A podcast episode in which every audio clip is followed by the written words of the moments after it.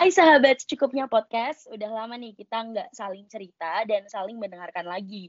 Bareng aku Yumi, kali ini aku kedatangan temen yang ketemunya bahkan nggak di, diduga-duga nih sama aku.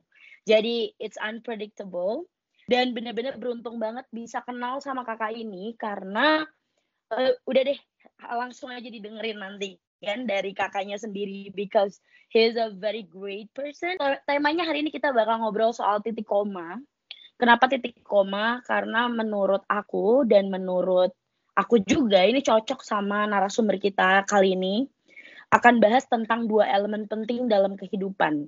Karena menurut aku pribadi juga hidup itu tentang bagaimana kita tahu untuk berhenti uh, dan memulai lagi atau tentang melanjutkan cerita yang masih sekiranya perlu dibikin sampai akhir. Dan um, ceritanya tentang hidup itu harus bisa dibikin sebagus mungkin sehingga nanti goals goals atau tujuan-tujuan hidup kita bisa tercapai gitu. Dan kali ini kita ulik titik komanya Kak Oka namanya Oka Pratama.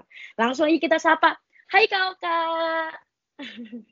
Hai Yumi halo. Halo halo. Welcome. Terima kasih terima kasih Oke, kau kan boleh perkenalan dulu mungkin sama sahabat secukupnya nih kayak siapa sih Kak Oka itu sebenarnya gitu. Oke, panggilannya sahabat secukupnya ya? Iya, benar Oke. banget. Hai sahabat secukupnya, aku Oka Pratama, uh, aku seorang entertainer, uh, tinggal di Jakarta ketemu mm-hmm. Yumni uh, anaknya supel sekali aku senang sekali diundang hari ini. Thank you Yumni dan uh, ya pengen berbagi di podcastnya Yumni ya mm-hmm. ya silakan deh. Boleh tanya-tanya ke aku. Itu aja okay. kali Yumni mantap. Kalau gitu. By the way guys uh, kita kenalnya dari Clubhouse ya kau kayak iya. itu aplikasi yang luar biasa banget. Kayak bisa mempertemukan orang dari berbagai uh, ujung dunia sekalipun gitu ya kayak aku bahkan nggak pernah tahu bahwa oh wow aku biasa lihat muka Kauka ada di Instagram hmm. or anything kayak sekarang bisa ngobrol langsung sama orangnya. Pertanyaan yes. pertama, oke, okay.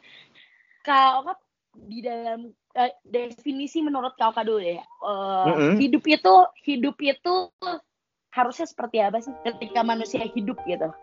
Apa wow. sih hidup itu gitu? Wow, uh, pertanyaan ini berat sekali pertanyaan pertamanya ini. Oke, okay, bagi aku, aku yakin setiap orang memandang suatu kehidupan itu berbeda-beda ya perspektifnya gitu. Nah, kalau misalnya ditanyakan ke aku pertanyaan seperti itu, aku memandang hidup adalah suatu proses dan pelajaran. Di mana kita pasti semua dalam hidup ini mempunyai goals, mempunyai impian, mempunyai tujuan, tapi yang kita harus pahami adalah proses hidup ini. Yang harus kita nikmati adalah prosesnya. Jangan selalu terfokus dengan goalsnya saja, tapi nikmati setiap detik prosesnya. Karena bagi aku itu adalah berkah, itu adalah pelajaran. Di mana kalau misalnya kita merasakan gagal, kita akan bersyukur dengan kegagalan kita dan memulai lagi bangkit untuk mencapai tujuan kita. Seperti itu sih kalau aku memandang kehidupan ini, Yumi. Wow, that's very um, comprehensive definition ya kak. Karena emang benar deh. Hidup tuh tentang uh. proses, that's true. Dan banyak banget orang ngerasa kayak, lah kok gue gagal mulu, kok gagal mulu. Kayak proses kan kadang-kadang suka yes. gagal, emang itu wajar ya kayak. Ya. Hmm. Tapi, kak Oka pernah gak sih menemukan titik turning back point kakak di dalam kehidupan? And if may I know gitu ya, when it was gitu, kayak your turning back point sampai bisa jadi KOK yang sekarang?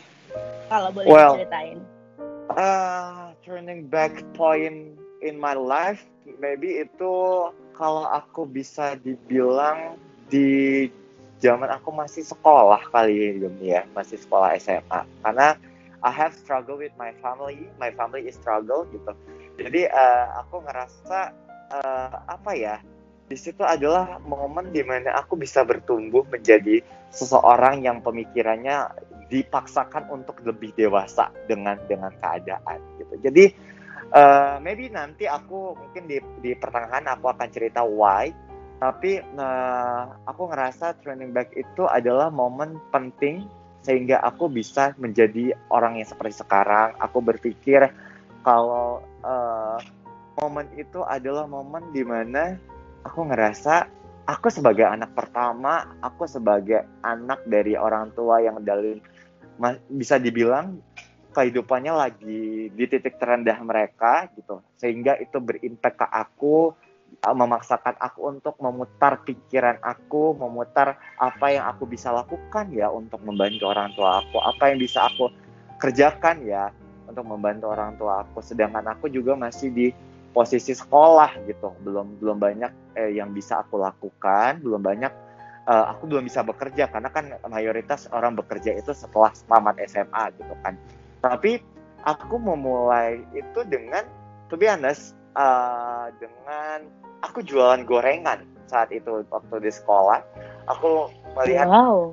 ya mama mama itu aku bilang mama masak gorengan dan mama kalau buat gorengan tuh enak banget gitu. Nanti abang jualin hmm. di sekolah abang bawa ke sekolah gitu. Padahal tuh aku ngerasa ya gimana ya aku di sekolah cukup punya prestasi gitu. Aku cukup punya punya kegiatan yang positif di sekolah tapi aku menyampingkan itu karena aku ngelihat oh orang tua aku lagi struggle gitu. Jadi paling enggak aku bisa bantu dari hal yang kecil di usia aku saat itu.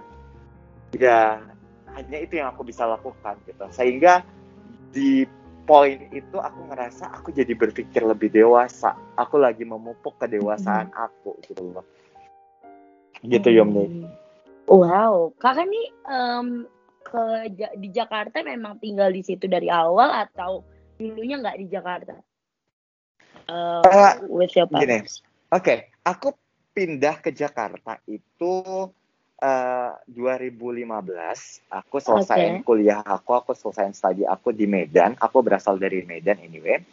Terus uh, apa namanya? Terus aku sudah punya impian juga sebelumnya waktu aku zaman sekolah aku pengen pindah dan tinggal di Jakarta. Sempat pernah mau kuliah di Jakarta, cuman ada satu dan lain hal akhirnya tidak jadi. Mm -hmm. Aku kuliahnya di Medan dan mm-hmm. uh, aku sudah masuk ke dunia entertain mungkin itu di zaman aku SMA aku sudah menjadi bintang iklan dulu gitu syutingnya di okay. Jakarta gitu nah itu yang memotivasi aku oke okay, one day kalau misalnya aku udah ngerasa settle dengan uh, mental aku untuk pindah dan jauh dari orang tua aku akan tinggal di mm-hmm. Jakarta gitu makanya uh, aku selesaiin kuliah aku dulu paling nggak aku sudah punya uh, title sarjana untuk bermodal mm. ke Jakarta meskipun sampai mm. sekarang nggak kepake gitu tapi paling nggak aku ada modal gitu untuk untuk Bener. move dari Medan ke Jakarta gitu jauh dari orang tua nah, akhirnya aku okay. memantapkan diri di 2015 bulan 10 aku pindah ke Jakarta setelah aku wisuda Oh, wow, Kak, keren banget sih. Tuh. Kayak merinding loh, belum apa-apa udah merinding denger story. Oh. Kan padahal kita masih banyak nih pertanyaan nih. Oke. Okay. Berarti pada saat itu Kakak pernah mengalami momen marah nggak sih sama kehidupan kayak kenapa sih uh, it is very hard gitu to deal with gitu. Nah, ketika kakak marah atau kecewa in your life until now, what is your um, coping mechanism to handle that? Oke, okay to be kalau misalnya berbicara uh, kemarahan tentang kehidupan gitu aku nggak pernah nggak pernah merasa marah dengan kehidupan. Karena bagi aku gini Yum meskipun aku punya struggle kehidupan juga yang yang aku rasa saat itu aku ngerasa cukup berat struggle aku tapi aku berkaca gitu. Ternyata aku memiliki hal lain gitu yang mungkin orang lain tidak miliki. Contoh Aku anak pertama, aku cucu pertama dari kedua belah pihak. Aku mendapatkan kasih sayang yang cukup dari keluarga besar aku yang mungkin anak-anak mm-hmm. lain tidak dapatkan itu gitu. Jadi aku nggak pernah mm-hmm. marah dengan dengan dengan dengan kehidupan bagaimanapun struggle-nya gitu. Malah aku mm-hmm. merasa itu menjadi pelajaran buat aku. Uh, kalau misalnya uh, gini, kalau misalnya berkata kehidupan aku dari jam dari zaman SMA akhirnya aku uh, kuliah to be honest, aku waktu kuliah pun pernah bekerja di pom bensin. Mm-hmm. Aku pernah isi isi bensin wow. di di waktu mm-hmm. aku kuliah gitu. Aku kuliah sambil bekerja karena bagi aku ya kalau aku harus kalau emang aku mau dapat uang saku lebih ya aku harus bekerja gitu apalagi aku anak pertama gitu. tetapi di saat hmm. itu meskipun kehidupan keluarga aku sudah mulai nih sudah mulai ada ada peningkatan dari yang waktu aku zaman SMA tapi aku mungkin karena terbiasa mentalnya itu dipupuk untuk ayo kerja cari duit sendiri cari duit sendiri jadi mm-hmm. waktu kuliah mm-hmm. aku ngerasa ya untuk mengisi waktu luang aku aku sambilan kerja jadi part time-nya itu kerja terus kuliah mm-hmm. gitu terus ada uh, momen di mana aku kerjanya di pom bensin gitu pom bensin nggak lama mm-hmm. sih sekitar satu setengah bulan karena ya mm-hmm. ternyata berat sekali untuk menjadi menjalani pekerjaan itu makanya aku sangat respect buat teman-teman yang kerja di pom bensin beratnya apa apalagi 24 jam kita ke siram Betul. maksudnya ke hirup bau bensin mulu gitu tuh kayak bau bensin banget. ya huh. exactly jadi uh, aku ngerasa ya that's process for my life ya aku harus nikmatin hmm. aku harus syukurin karena bagi aku banyak sekali orang di luar di sana lebih berat struggle-nya dibanding aku gitu loh Yumi. Oke. Okay, so if may I conclude uh, dari a half of your story, uh, your mm-hmm. parents is actually your main support system, right? Sure. Kaya, yeah, you you really love your parents that much, yeah. right? So what is the the most favorite uh, uh, kata-kata gitu ya, atau nasihat dari mamahnya kak nih, yang kau kak sering okay. banget uh, inget itu um, mm-hmm. till now kan sekarang apalagi kau kak di Jakarta ya sama hmm. mama kan pasti ya kalau nggak salah atau sendiri sendiri aku sendiri by yourself by myself ya yeah. uh, so ketika kakak tired of work misalnya and then and then you you are uh, you feel sad misalnya and you hmm. still remember your your mom's word nah kata-kata yang paling terngiang itu apa sih kak oke okay.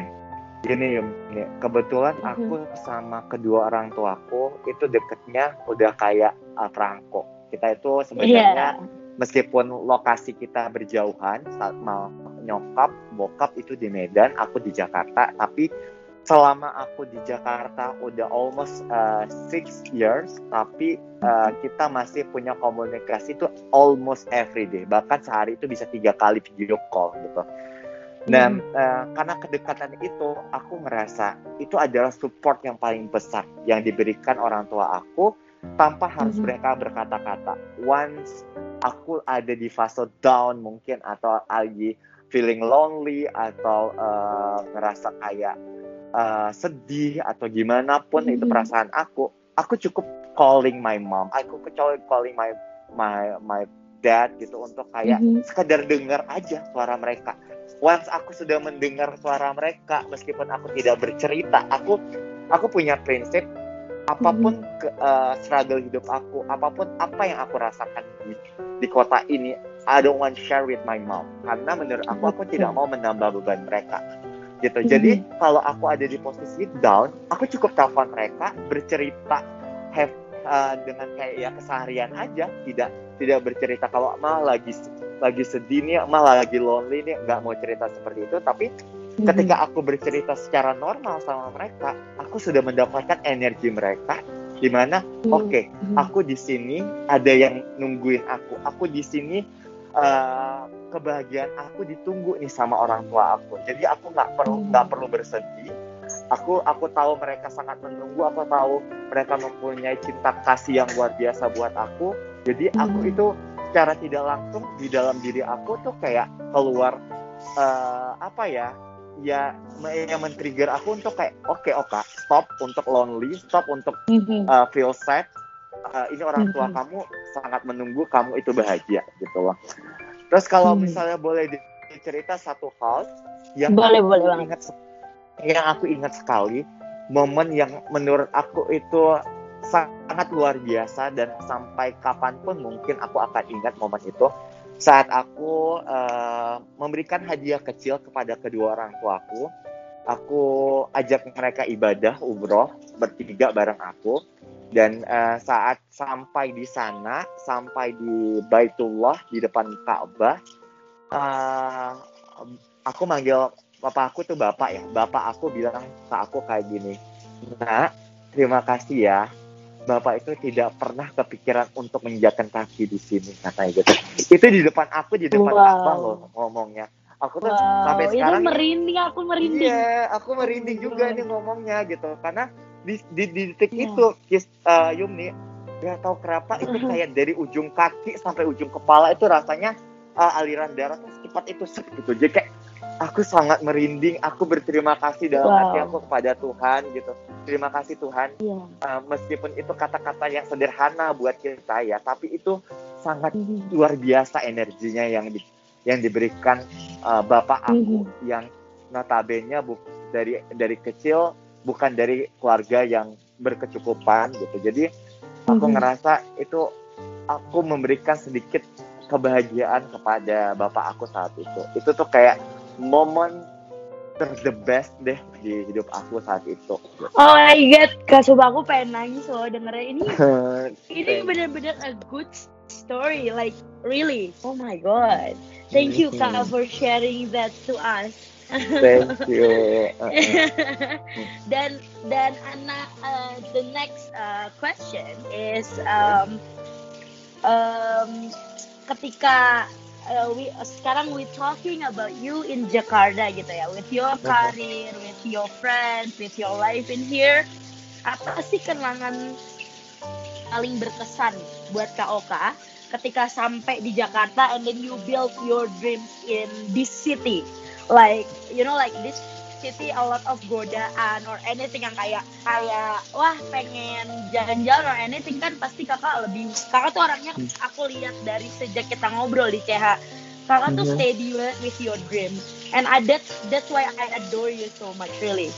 Oh Kayak- thank you. kayak iya kak kayak aku tuh bahkan sekarang gampang banget goyah gitu ya. Walaupun oke kalau ditanya mimpinya apa but sometimes I feel like aduh pengen ntar dulu deh gitu ntar dulu deh how you maintain your consistency in this city to reach your dreams till now gitu kak how Oke. is it Hmm, gini. Eh, aku menginjakan kaki di Jakarta sendiri dengan dengan bermodalkan mental dan prinsip yang aku eh, terapkan dan aku kukuhkan sampai detik ini gitu. Eh, kalau bisa dibilang pasti ada struggle-nya, banyak sekali struggle-nya. Karena aku juga seorang anak yang berambisi untuk bisa sukses di jalanku sendiri di kota orang. Em, yang membuat aku ngerasa kalau mimpi-mimpi aku di kota ini harus terus terwujud harus terus di maintain dengan baik Eh, mungkin satu kata yang mungkin aku tetap jadikan motivasi dalam hidup aku yaitu orang tua aku. Kenapa aku bilang orang tua aku?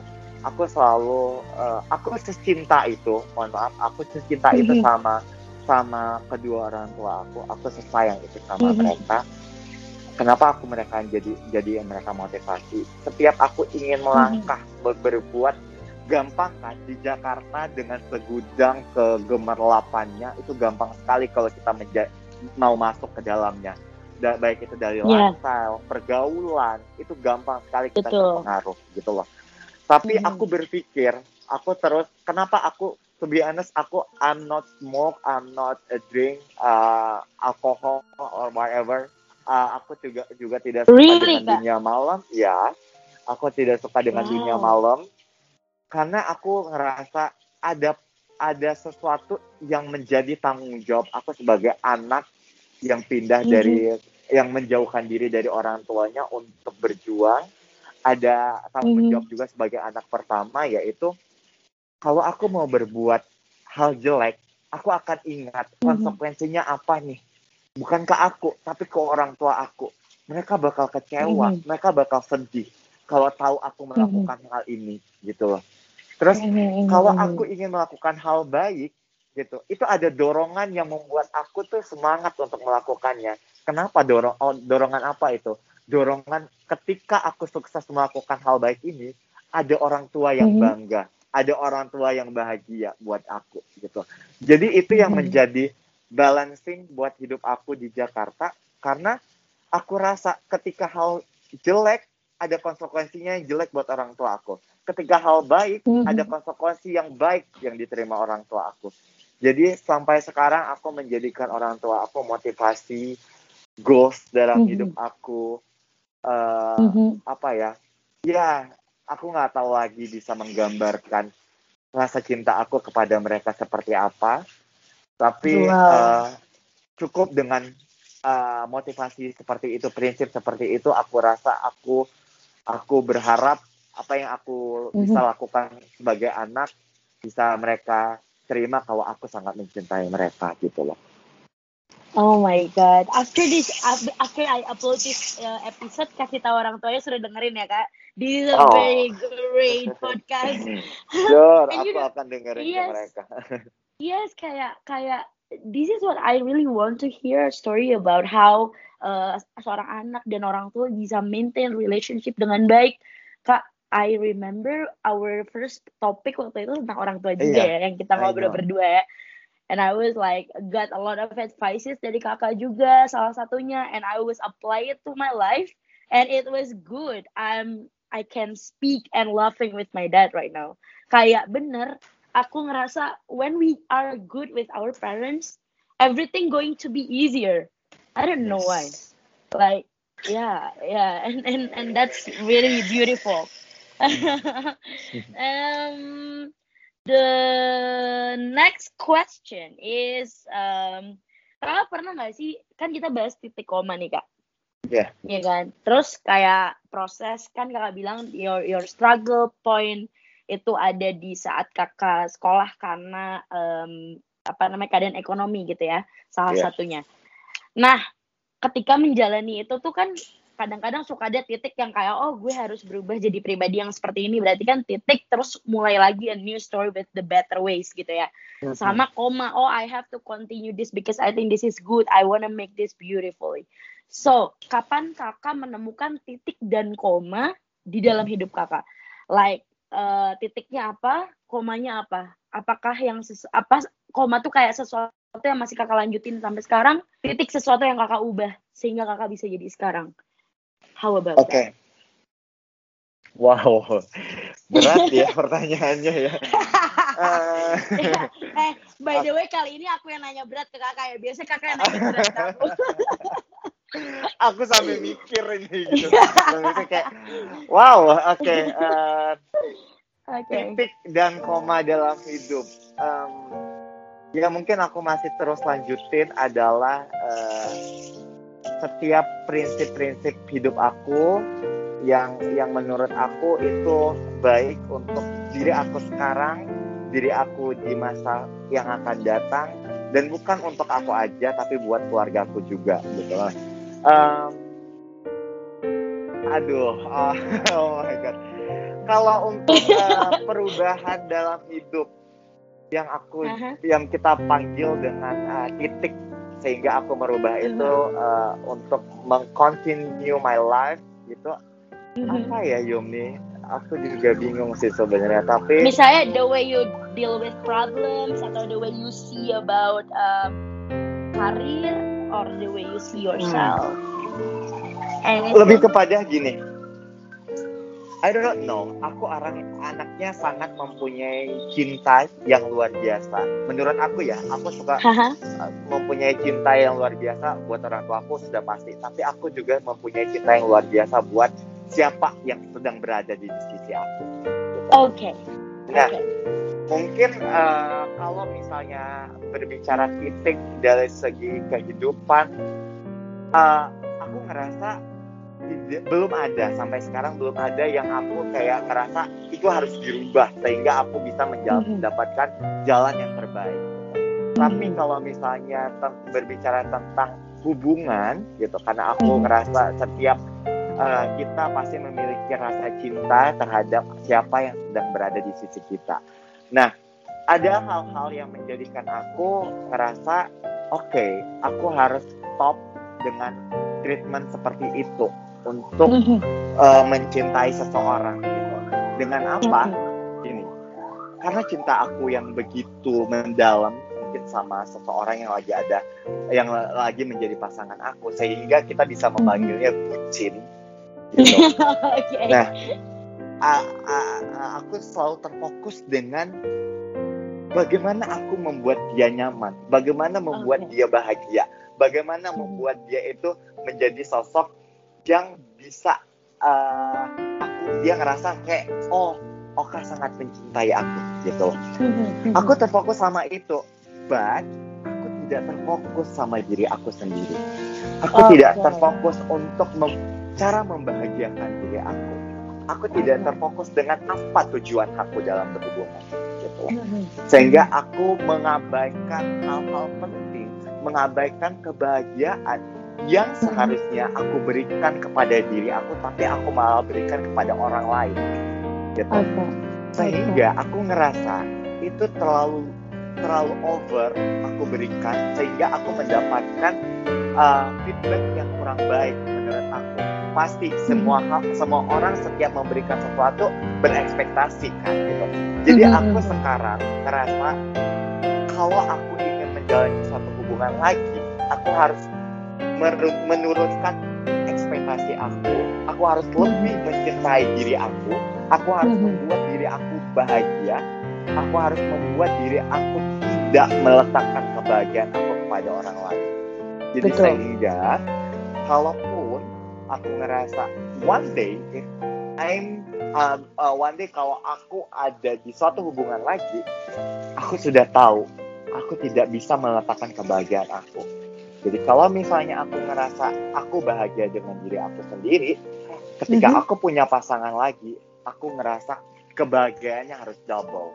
Aku nggak mau kehilangan kebahagiaan aku gitu loh. Betul. Jadi betul. jadi aku aku menuntut kebahagiaan yang double dari pasangan aku gitu. Oh, itu wow. itu itu mungkin yang bisa aku explain dengan titik dalam hidup aku karena aku merasa okay. banyak sekali pelajaran yang bisa aku ambil dari suatu hubungan aku yang kemarin-kemarin sehingga mm -hmm. aku bisa belajar untuk oke okay, Oka harus grow up oke okay, Oka harus harus berpikir lebih gitu mm-hmm. fokus dengan apa yang kamu ingin tuju tapi jangan mm-hmm. jangan terlalu terfokus dengan apa yang kamu ingin lakukan untuk orang lain lakukan untuk diri kamu dulu lebih dahulu gitu sih that's true that's true itu berarti termasuk dengan hubungan pertemanan juga nggak kak kayak kan ada orang yang value temennya sangat gitu ya atau mm-hmm. it's just for your love life yang the way you put other people more than you? What um, maybe uh, just for my love life. Romance. Uh, uh, Oke. Okay. Yes. Kalau right, untuk pertemanan good. mungkin ya itu berbeda cerita. yeah, it's balance. Wow, Kak. Yeah. yeah, yeah, it's supposed to be like that. Karena aku pernah trap in a condition yang maybe romance is not my uh, my thing karena aku udah lama banget not having a boyfriend. But for friends, I was like very toxic to myself because I really put a lot, the happiness about my friends more than me. And I forgot oh. the concept of friends is coming and go. And I end up with fucked up in the end. Like yes. it's not healthy also, right? Exactly. Exactly. karena karena karena kita kita uh, dengan begitu kita sudah paham dengan tidak ada yang yeah. dunia di dunia ini yang abadi kan. Uh, seseorang itu datang dan pergi sesuka hati mereka begitu juga kita ngerasanya seperti itu jadi ya fokus aja sama diri kita menurut kita dengan kita yeah. memberikan terlalu berlebih terhadap seseorang kita hmm. mempunyai ekspektasi lebih terhadap seseorang once itu hmm. hilang kita akan ngerasa kecewa yang cukup dalam gitu jadi ya udah beri beri itu kefokusan itu rasa cinta itu kepada diri sendiri aja dulu gitu loh oke okay. wow that's good that's beautiful Alright, the last question. Oh, we arrive at the last question loh kak. Hmm. Itu adalah about your hot button in yourself. Okay. Kan kadang-kadang kita kan ada kayak hot button, for example ya. Aku, what is my hot button? My hot button is when somebody underestimate me. And I will like really angry and I will show it to that person. Tapi bakal marah banget because that's my hot button. Karena paling sebel banget kalau direndahin sama orang gitu ya because I don't want to do that also to that person or other people. Kalau kakak, what is your hot button? oh berat-berat ya pertanyaan anda. eh mohon maaf guys, okay. ini fun fact. Ini kan mau ngobrol sama Kak Oka ya, yang uh -uh. yang aku kenal tuh Kak Oka tuh love to do deep talk kan, and then I feel like oh I have to be that clever to make a list of questions gitu kan. Aku sampai research really Oh serius? Oh. yeah, because I want to Oh, make banget. yeah, I want to Oh, make my guest star my guest are comfortable with my Oh podcast. iya. Wow, Yeah. ini podcast keren. I love your question by the way. wow, Uh, thank you oke. Kak. Yum nih, Okay. uh, for the last question, maybe aku mau jawab dengan uh, aku paling tidak suka ngerasa ka- kayak marah, ngerasa kayak emosi cukup dikatakan tinggi saat keluarga aku diusik. Okay. Jadi aku tidak suka siapa pun itu, bagaimanapun itu dia gitu. Jangan pernah usik keluargaku, jangan pernah Mhm. jelekkan keluargaku karena I Mhm. know mereka mereka seperti apa di mataku. Jadi once Mhm. ada orang yang mengusik dalam bentuk apa pun, aku siap di garda terdepan untuk mempertaruhkan apa pun yang aku bisa pertaruhkan untuk melawan mereka. Karena Oh bagi aku god. hidup aku adalah keluarga aku dan Mhm. aku ngerasa eh, mereka adalah harta terindah yang aku punya. Aku rela, kalau bisa dikatakan, aku rela mengorbankan apa pun yang aku punya asal keluarga aku Mhm. bahagia. Aku rela tidak memiliki apa pun kalau keluarga aku semuanya tercukupi. Gitu loh. Yeah. Jadi Wow. eh, mungkin itu eh, mungkin itu bisa dikatakan hot button dalam hidup aku. Ya, I, I don't know eh, mereka bisa seperti apa di ke depan hari. Cuman my wish to my parents, to my family, I Mhm. did my best. I do my best for you guys. Dan Mhm. uh, please ter- terus jaga kesehatan kalian karena I have a dream to our life in the future. Mhm. Aku punya begitu banyak keinginan, begitu banyak mimpi yang aku ingin mereka bisa tersenyum indah memandang kehidupan ini. Aku pengen mereka Oh keluar god. jauh melihat kalau dunia ini ternyata luas. One Yeah. of my dream in my life, Mhm. aku Mhm. pengen bawa di di di di di waktu orang tua aku masih sehat seperti sekarang, masih memiliki umur, aku pengen Mhm. mereka orang tua aku kedua orang tua aku melihat dunia aku pengen membawa mereka keliling dunia di mana pun aku bisa bawa aku Wow. pengen mereka ngelihat Eiffel aku pengen melihat New York aku pengen mereka Mhm. ngelihat Rome apal segala macam aku pengen bawa mereka ke sana gitu selagi mereka Wow. masih bisa selagi mereka masih sehat itu one Yeah. of my dream that's why aku ngerasa aku harus melakukannya itu demi Mhm. orang tua aku dan jangan pernah usik orang tua aku keluarga aku karena aku akan ada di garda ke depan untuk melawan kalian Oh, that's a very beautiful dream, Star. Really, kayak I believe you can achieve that also. Kayak wow. thank you so much You're welcome, Kak. And then the last stage. Of our podcast is I need you to tell to sahabat secukupnya nih Kak. Kan kayak banyak banget cerita masuk ke aku tuh dulu-dulu banyak banget yang Mhm. bingung how to be close with parents gitu. Because you are a, a person that is also motivating me juga kemarin and that's very impactful. Menurut kakak nih, your your words aja bebas mau nasihat, mau quotes to those listeners tentang orang tua and oke uh, kesuksesan. How is it? oke Eh, mungkin aku ngerasa ini juga aku hanya mengeluarkan kata-kata ini sebagai seorang anak yang sangat yang mencintai orang tuanya. Aku yakin kita semua sangat mencintai orang tua kita, apa pun bagaimanapun bentuk mereka, bagaimanapun mereka. Eh, bagi aku tidak pernah ada yang namanya mantan orang tua. Bagi aku orang tua adalah segalanya. Bagaimanapun kondisi mereka, bagaimanapun mereka bersikap terhadap kita, dia mereka adalah tetap orang tua kita yang kita harus hormati, yang kita harus kasih kasih cinta kita kepada mereka. Kalaupun di luar sana kalian mungkin eh, ya I'm sorry to say, kalaupun kalian tidak memiliki keharmoni- keharmonisan terhadap orang tua kalian, tetaplah tanamkan di hati kalian kalau kalian cinta sama orang tua kalian. Karena bagi aku, kalau kalian sudah menanamkan itu, Tuhan maha membolak-balikan hati. Apa pun kondisi orang tua kalian yang mungkin, dia akan memberitahukan hmm. kepada orang tua kalian kalau anak kamu sangat mencintai kamu. Hargai dia, cintai dia seperti dia mencintai kamu.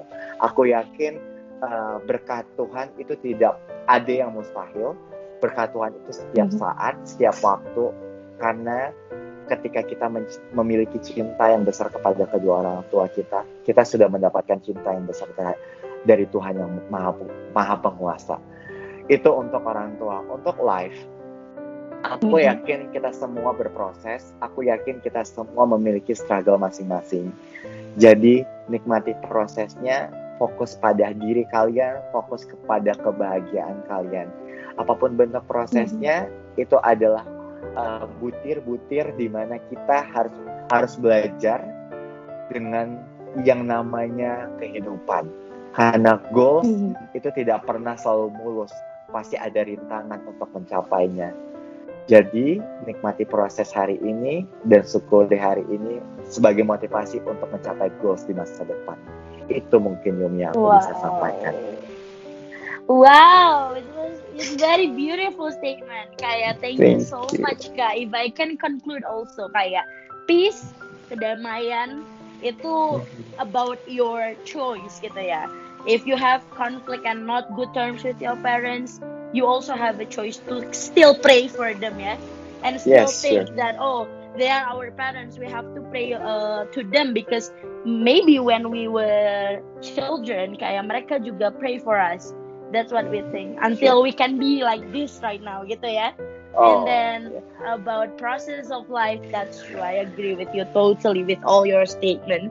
Thank you banget kak, udah mau main ke podcast aku. Thank you Yumi for having me here. I'm very happy to have a answer for your question. uh, senang banget gitu karena ini yeah. eh, that's a great question, maybe continue. Oh my god.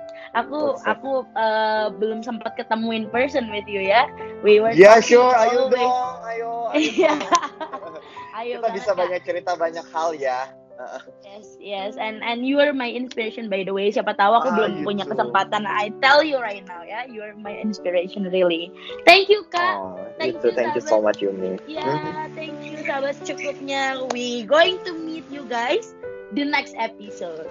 Bye bye. Yeah. Bye. Thank you so much. Thank you.